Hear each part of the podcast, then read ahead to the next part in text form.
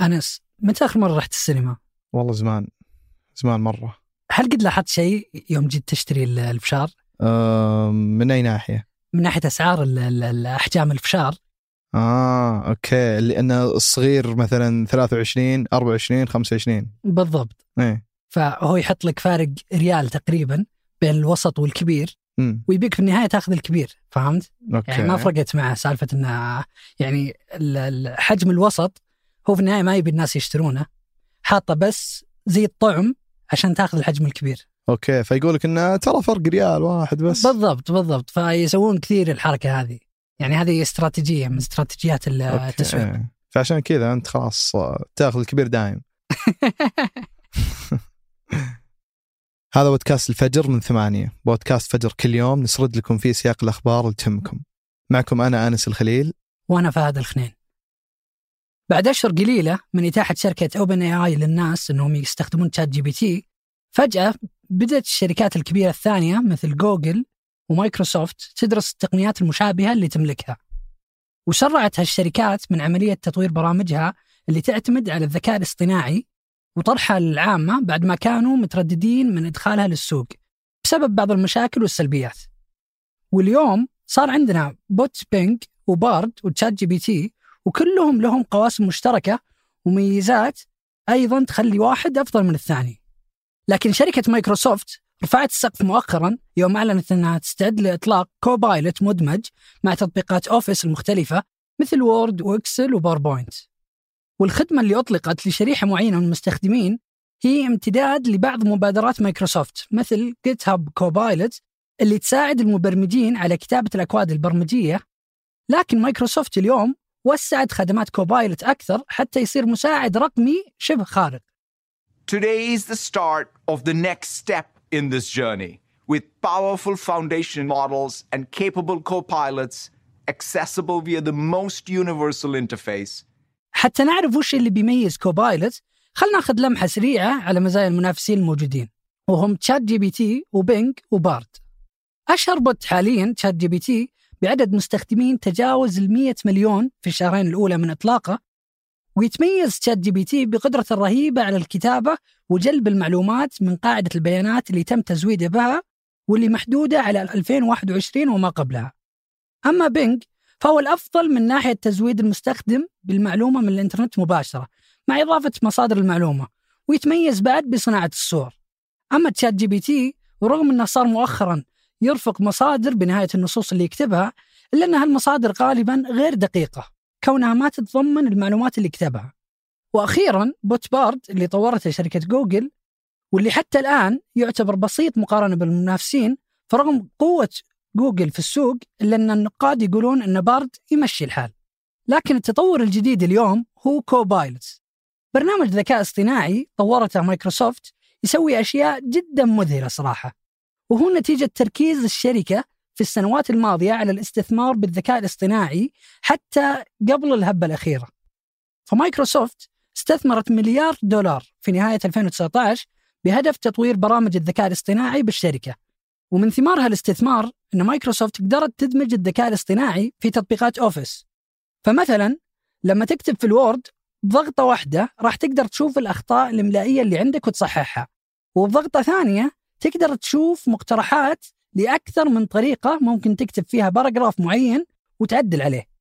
And I'm so excited to show you how Microsoft 365 Copilot is coming to life in the products millions of people use and rely on every day. البعض هنا ممكن يتساءل إن ChatGPT يقدر يسوي الأشياء هذه كلها. فوش الجديد؟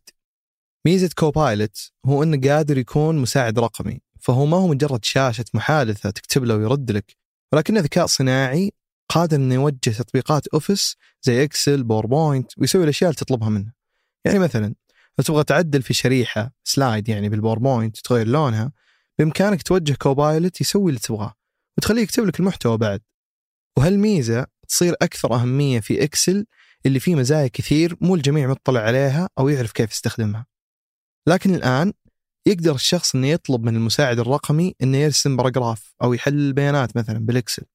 ومو بس كذا تقدر تطلب بعد من Copilot إنه يعلمك كيف تسوي أي شيء بال Excel وكذا تطور من نفسك بسرعة وبدقة. وفي Outlook يقدر Copilot إنه يكتب لك draft لرسائلك البريدية مع ميزة إنك تتحكم ب tone كل إيميل. يعني مثلا لو تبغى ترسل شكوى Copilot بيعطيك مقترحات مختلفة سواء تبغى الرسالة كاجوال أو رسمية. ويقدر بعد إنه يعطيك تلخيص كامل لرسائلك. لكن برأيي تظل أهم ميزة هو إن التقنية هذه والمزايا كلها بتكون متاحة بالجوال خلال الأشهر الجاية. والشيء هذا بيسرع أداء المهام فتقدر تخلص أشغالك بسهولة واحترافية من خلال الجوال دون حاجة للكمبيوتر. لكن ورغم هالمزايا الخوف إن Copilot يفشل زي ما فشل Cortana وهو المساعد الشخصي الرقمي اللي طورته مايكروسوفت في عام 2014 وما نجح. لأن خدماته كانت بالغالب محدودة على إرسال الرسائل بالنيابة عنك، تنظيم جدولك، تذكير الاجتماعات والأشياء هذه. ولذلك الناس والشركات ما انجذبت ل Cortana بسبب بطئه وميزاته القليلة. وفي مخاوف بعد من أن المساعد الرقمي الجديد يسوي نفس الأخطاء اللي سواها روبوت Bing اللي طورته مايكروسوفت. واللي لاحظ بعض المستخدمين قدرته على توجيه الإهانات لهم والكذب وإعطاء معلومات غير دقيقة. لكن مسؤولي الشركة يقولون إنهم تعلموا من أخطاء Bing وبدأوا يحسنوا من منتجهم الجديد. وأما بالنسبة للتشابه بين Copilot و Cortana فهم يقولون إن Copilot أكثر تطور وفائدة لأنه مدمج بشكل متقن مع تطبيقات Office.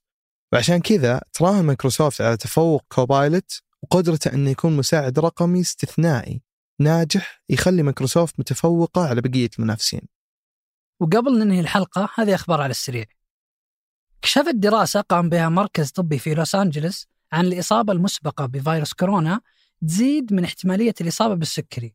والدراسة كانت بعد متابعة عينة من 23 ألف شخص أصيبوا بكورونا سابقا وتم علاجهم بالمركز.